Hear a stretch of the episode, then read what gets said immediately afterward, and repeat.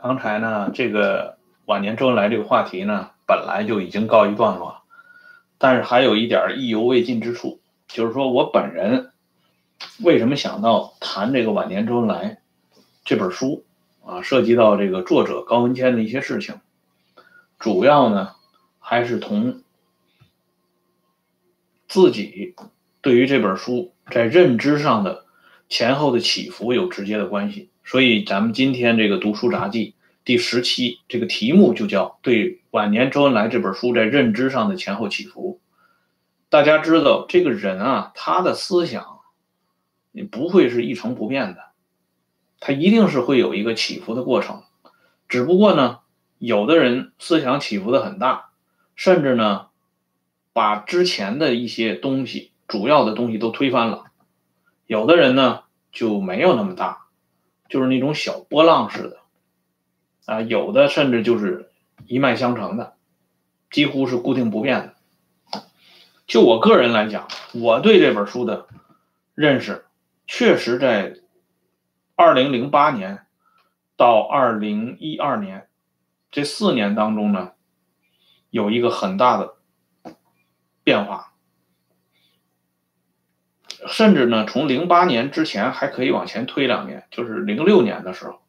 零五年、零六年的时候，这个认识呢，较之二零一二年以后变化更大。这五六年当中呢，对这个《晚年周恩来》这本书的评价，我在互联网上写了一些文章，关于对这本书的评价，对这本书价值的认识，前前后后。他这个抵触的地方非常之多，这在我研究其他历史人物里边呢，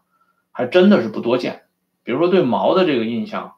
我在上高中的时候对毛的印象就已经颠覆了，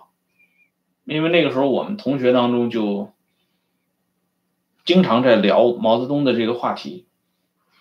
那个时候呢，就是隐隐就感觉到对毛的认识不再像以前。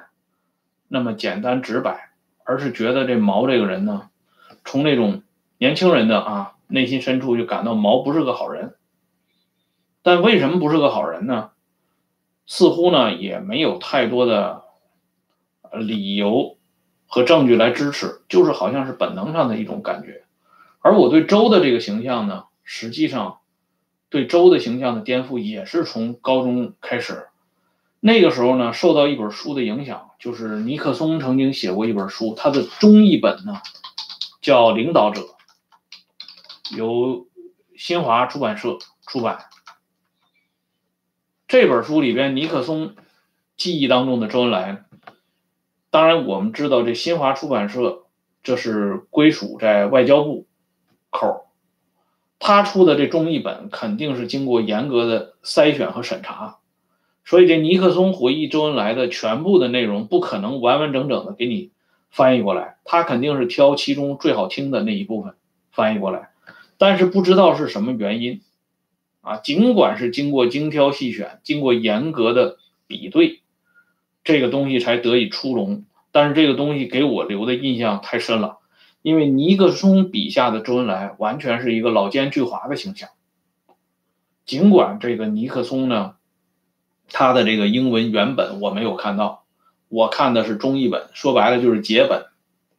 可是这解本却让我看到了他们不想让我看到的一面。因此那个时候高中三年级结束的时候，大家互相临别赠言，每个人都买一个小册子啊，上面呢请自己关系比较好的同学写上一些话，将来在岁月流逝的时候翻看这个小册子呢。就可以看到一些当年泛黄的记忆，这是当时大家很流行的一件事情。在这些小册子里边呢，就是这些笔记本，嗯，传看的时候，我就发现很多同学写的就是我最喜欢的，就是周恩来。很多人都是我最喜欢的历史人物就是周恩来。所以那个时候呢，周恩来的形象在我们这一代人心目当中，很多人的心目里边都是正面的。我那个时候呢。对周恩来所谓的这个印象打了折扣，也仅仅是从这个尼克松的这个中译本的书里边看到他老奸巨猾的一面。但是也没有意识到在周的身上成后来啊，像后来像今天这样意识到在周的身上曾经发生了这么多不可思议的事情，这是万万没有想到的。而且熟悉我的朋友应该也都知道，包括对毛对周的这个认识，一开始我是分阶段的来认识。比如说对于毛，我一开始呢。还认为毛呢，在文革这个时候，从五七年反右以后，毛呢逐渐陷入到极左的这个泥潭里边不能自拔。特别是他的晚年啊，皇权主义盛行，把国家搞得一团糟啊，使很多人遭了难。这个认识，还是在那个时候。直到这个同高真义高先生接触之后。特别是我看了他的这本《红太阳》之后，真的是有一种醍醐灌顶的感觉，就是说一下子就把我之前的一直沉浮在心底的一个谜团解开了。就是说毛，他不是说在文革搞的这么即兴的一笔，甚至包括反右，这是一个由来已久的、潜伏很深的大阴谋。只不过到了北京之后，到了一九六六年之后，来了一个总爆发。这个呢，实际上很快就是这思想一下子就转过来了，这个没有任何障碍，因为本身原来对毛的研究呢，到了二零零二年的时候已经有了相当的积累，所以呢，对毛的认识一下子就豁然开朗了，没有任何阻隔。但是对周恩来的这个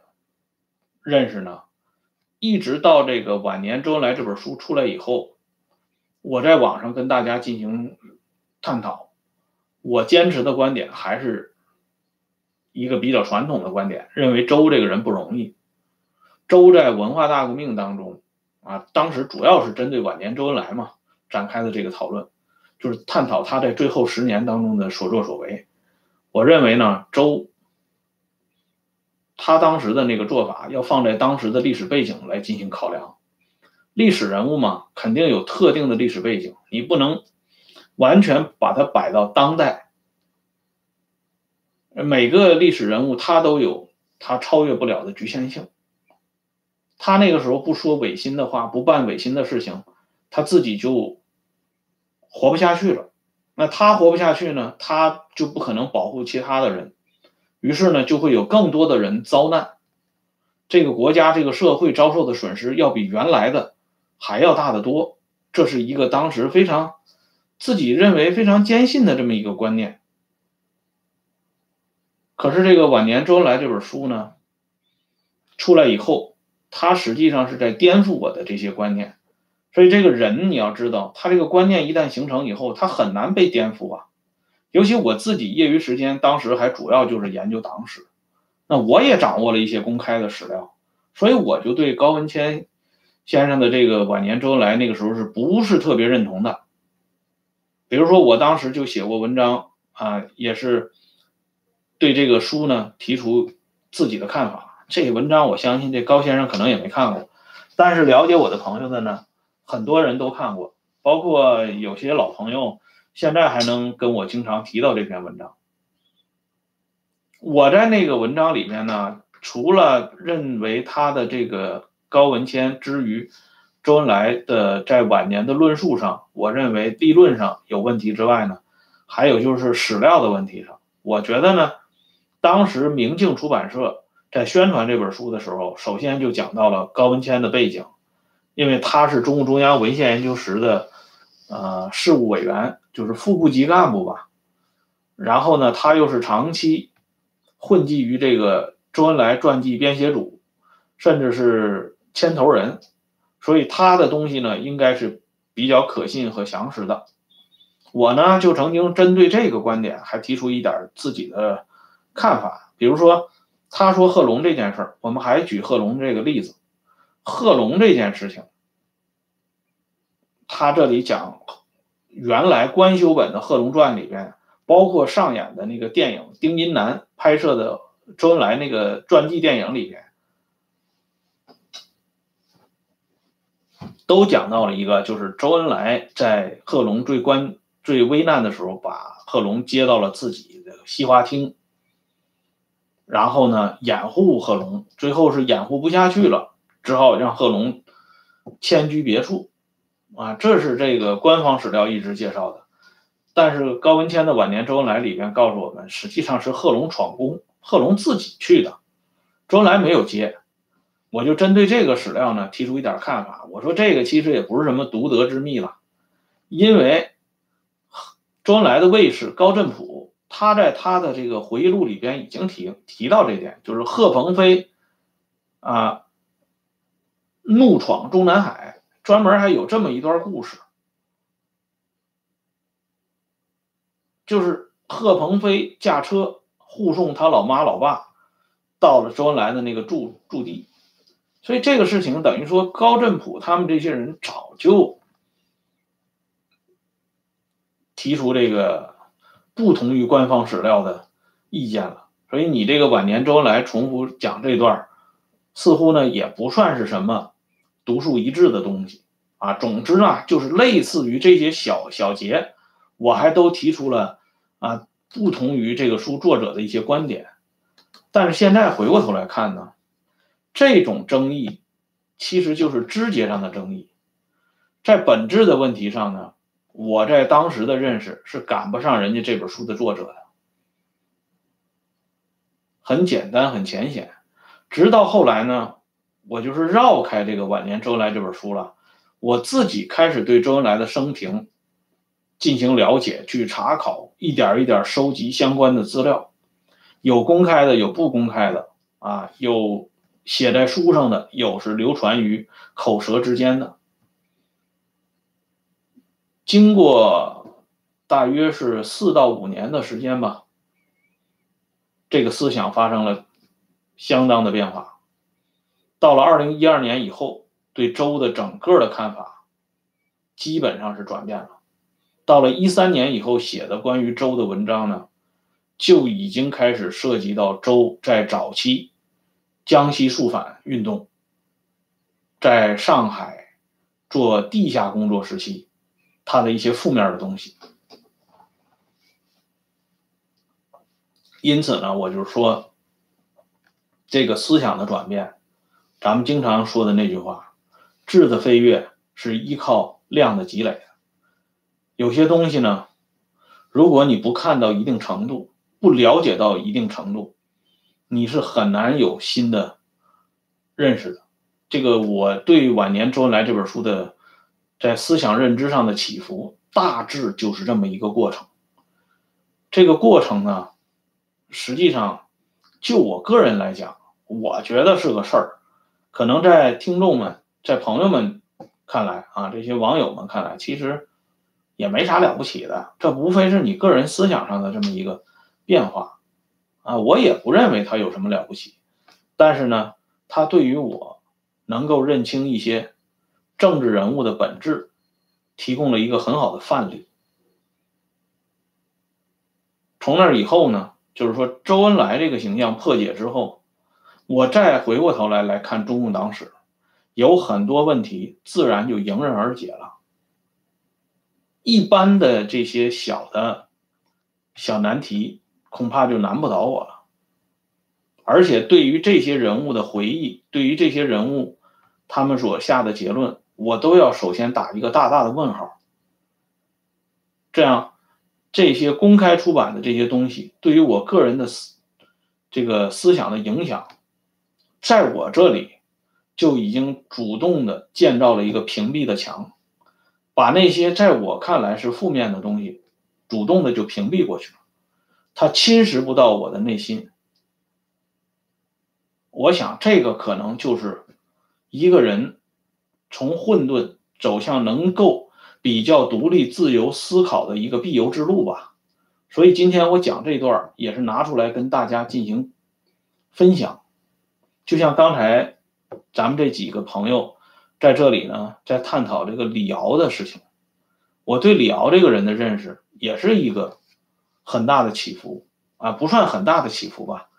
因为在上高中的时候就看过介绍李敖的文章，最早是在《人物》杂志上，啊，讲这个李敖在台湾大学读历史系的时候，那是他们台大的一个特殊的风景线。这个人很捐狂，而且后来呢，据说还很早的同胡适打上了交道。胡适这个人对他呢还比较肯定，于是就更加助长了他这种啊骄狂的气焰。后来又尝试着挑战当时国民党的当局，啊，饱受牢狱之苦。他还写了很多回忆文章。后来我在大学的时候开始系统的接触李敖的作品，因为那个时候是年轻人，年轻人身上都有一点这个狂傲的东西啊，当然虚荣心也更更重，因为自己那个时候也开始发表文章了，于是呢就把这个李敖看的是挺重要，认为这个人物啊这个光环很多，敢于对抗当局等等。但是后来啊，随着对这个李敖这个人物的了解的加深，包括他后来对北京的这个态度，我们也看到了。所以我觉得这个人从本质上讲，他其实还是一个很惨、很谄媚的人啊。这也是后来我在行文的时候对李敖的评价不高。这个无论是周恩来还是李敖啊，这个认识前后都有很多变化，而这个变化呢，也是凸显了我们这一代人稍具家国情怀、愿意研究一点政治历史的人物，在这个思想上摸爬滚打的这么一个过程。由今天的这个话题呢，我就想到这个。在晚年，周恩来出版若干年之后，啊，美国之音有个记者叫李树，他曾经呢与高文谦一起做了一期节目，叫《是是非非周恩来》，就是解密周恩来的历史形象。这个节目大约有个两个小时左右吧，在 YouTube 上大家都能看到。这个李树还有另外一个主持人啊，叫宝康的，这两个人当年是我很喜欢的两个美国之音的前主持人，主要就是进行中文广播。这两个人我觉得个人素质非常好啊，像这个宝康呢，形象也不错。有人说宝康长得像胡锦涛，我倒是没看出来他长得像胡锦涛，但是宝康和李树这两个人的。我认为他素质好是好在什么地方呢？就是说他做主持人，他能够啊与这个采访者之间形成一个非常良性的互动。他有时候呢能给这个受访者呢提供一点思想上的火花的导火索啊，让这个受访者能够打开这种记忆的闸门，或者打开这种思想的宝库，让里边的这些资料呢奔涌而出。于是呢，大家呢就是大饱眼福。在这一点来讲呢，这是主持人最宝贵的东西啊。这两个人恰恰是具备了这些东西。可是呢，啊，很可惜啊，这两个人现在我们从这个公开节目上已经看不到他们的身影了，不知道他们现在还从事着什么样的工作。当时这个李树采访高文谦做的这期节目，实际是对这个。晚年周恩来有一个很好的补充，这个节目实际上比高文谦回击司马光的那个文章真的是强了很多啊！他是通过这种光电影的形式，用另外一个渠道给大家又讲了一遍晚年周恩来，这是影视版的，而且在这里呢，他讲了一些 当年晚年周恩来里都没有说到的事情，比如说他提到这个王光美，他说呢。王光美，包括这个贺龙的遗孀薛明，他们当年的那个回忆也是真实的，就是他们认为周恩来是好人，啊，王光美在电话里不就是有一些哽咽吗？啊，认为周在那个关键时刻还能给他打电话，人家别人都是冲他们两口子啊泼脏水、扣屎盆子，然后诬陷他们，但是周这个时候居然还能在患难之际打来电话慰问一下他们，所以呢，王光美那个事情一直很感动。到了他们写那个“胜利的鲜花献给您”的那个文章的时候，还不忘了把周恩来的这一段写进去。但是高文谦就介绍，等到啊年深日久以后，八十年代中后期以后，王光美、薛明他们都陆陆续续的接触到了当年的一些档案资料，陆陆续续的从身边的一些人了解到周恩来对刘少奇和贺龙这两个大案子上的一些不为人知的细节以后，这两个人对周恩来的。观念也转变了，这其实也可以看出来，为什么邓颖超后来急急忙忙请示邓小平和胡耀邦，把周恩来的一些档案资料销毁的原因啊，就是这些高干夫人们对周恩来的一些形象已经发生了质疑。但是呢，那个时候呢，大家也知道，这王光美他不可能。直接公开的表示他对周恩来的这些不满，他只能透过一些这个对小人物的发泄来倾吐一下他的委屈。比如说这个雷英夫，王光美后来就曾经写过一几篇资料啊材料，就是讲这个雷英夫，这是雷英夫晚年写的这么一个回忆录啊，他口述的，在最高统帅部当参谋。还冠副标题，居然冠以雷英夫将军回忆录。这个人不是一九五五年被授予少将军衔的，他是后来被提升为少将。刘少奇活着的时候呢，就曾经对这个大家讲过，说雷英夫这个人意识不好，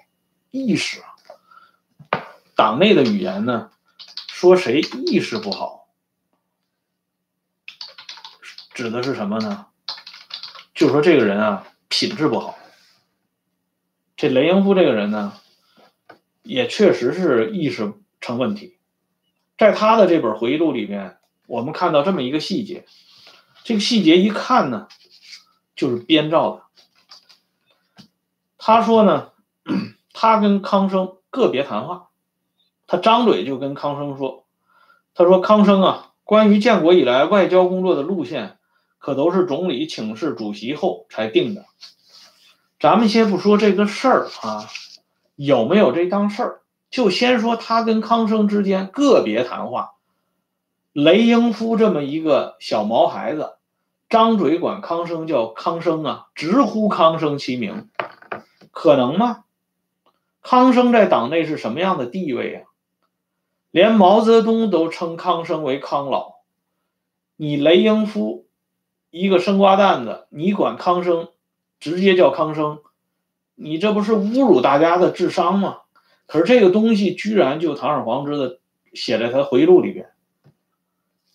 所以我们再看另外一个回忆录啊，再给大家展示另外一个回忆录，叫《我的母亲》，长征中最小的女红军。这个作者萧云，萧云呢是萧华的后代。这本书主要是介绍他的妈妈王新兰。就是萧华的妻子王新兰，当然也顺便介绍了一下他老爹萧华。在这本书的三百一十七页里边，这里边写萧华和江青的一段关系。他说江青呢，在萧华眼里就是盛气凌人，所以呢，萧华对江青就是敬而远之，除了表面应付以外，不多交往。有时两个人见了面呢，肖华就是远远的站着，不主动过去打招呼。所以肖云举了个例子，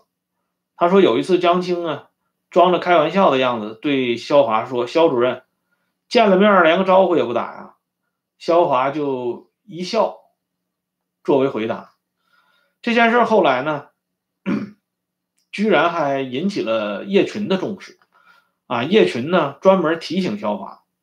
说的你要在这个江青面前把那个傲气收一收，见了江青站得远远的，啊，这是叶群同王新兰谈话，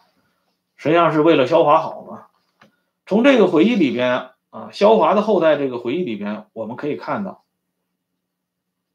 就是说萧华不太在意江青，但实际情况是这样吗？我们再来看另外一本回忆录啊，这个这个回忆录很老了，就是《毛家湾纪实》啊，林彪秘书回忆录，张云生。张云生在他的回忆里边写到这么一段事儿，他说呢，江青走在最前面，边走边和萧华谈话，江青调门很高，厉声训斥训斥萧华。他说：“你这个人有民愤，批你活该。”肖华跟在他后边，脸色涨红，像是想要说点什么，但江青根本不爱理睬，先上电梯下楼走了。这是张云生作为现场目击者看到的一幕。这肖华呢，远没有他子他的子女回忆的那么有骨气，在江青面前连个大气儿都不敢说，连大气儿都不敢出，反倒是这位江青啊，在这个啊不是宝，对大家提醒的很对啊，是宝森啊，不是宝康。这宝康是那个《顽主》里的那个作家宝康，这一说给说混了。幸好是有朋友提醒啊，要不然这成了乌龙了都。啊，保森，保森，对。还回到刚才这个话题，江青训斥萧华，萧华不敢吭气儿，这才是真实的江青与萧华之间的关系。实际上，咱们用常识想一想，以焦华的那个位置，他见了江青，那就相当于仆人见了主母一样。啊，主公在你心目中是什么？状态，那主母在你心目中就是什么状态？像我们熟读的《三国演义》里边，赵云那是可以说啊，赵云在那个《三国演义》里边已经被安排成是刘备的心腹大将了啊，他以自己不能救出主母糜夫人为耻啊，所以跪拜在这个刘备面前，痛哭失声。由此可见，你萧华。在一九五五年，不过是个上将军衔，你距离毛泽东相差有多远啊？他距离毛泽东有多远，就是距离江青有多远。尽管啊，有些人不一定认为江青就是毛泽东，但事实如此。他们这些不这么认为的人，后来也是吃足了苦头，受到了沉重的打击和教训。所以这种回忆，咱们只要对比一下这些同属公开资料的回忆里面，我们就可以看到这些回忆是掺杂了相当多的水分，有的甚至就是自己坐在家里自己就是信口胡编。因此呢，包括晚年周恩来和红太阳是怎样升起的这些颇有价值的历史书呢，就给了我们另外一个不同的景象。让我们这个思想有了跌宕起伏，这思想只有跌宕起伏，才能摔出来真知和拙见，否则的话，你就一直处在这种蒙昧的状态，像泥巴一样啊，任由啊任由人家的拿捏。今天呢，我想讲的就是这么一个事情，就是结合自己的这个。对晚年周恩来这本书的认识，谈的一点个人看法啊，仅供大家参考。这时间已经很晚了，已经是凌晨了，这样呢就不过多的打扰大家的休息。咱们下一次继续聊。这周恩来这特科呢也快接近尾声了，等到周恩来的特科结束以后，我们可以相继安排党史杂谈进入。陈云和康生的话题，进入白雀园大肃反的话题。好了，今天呢就先说到这里，再见。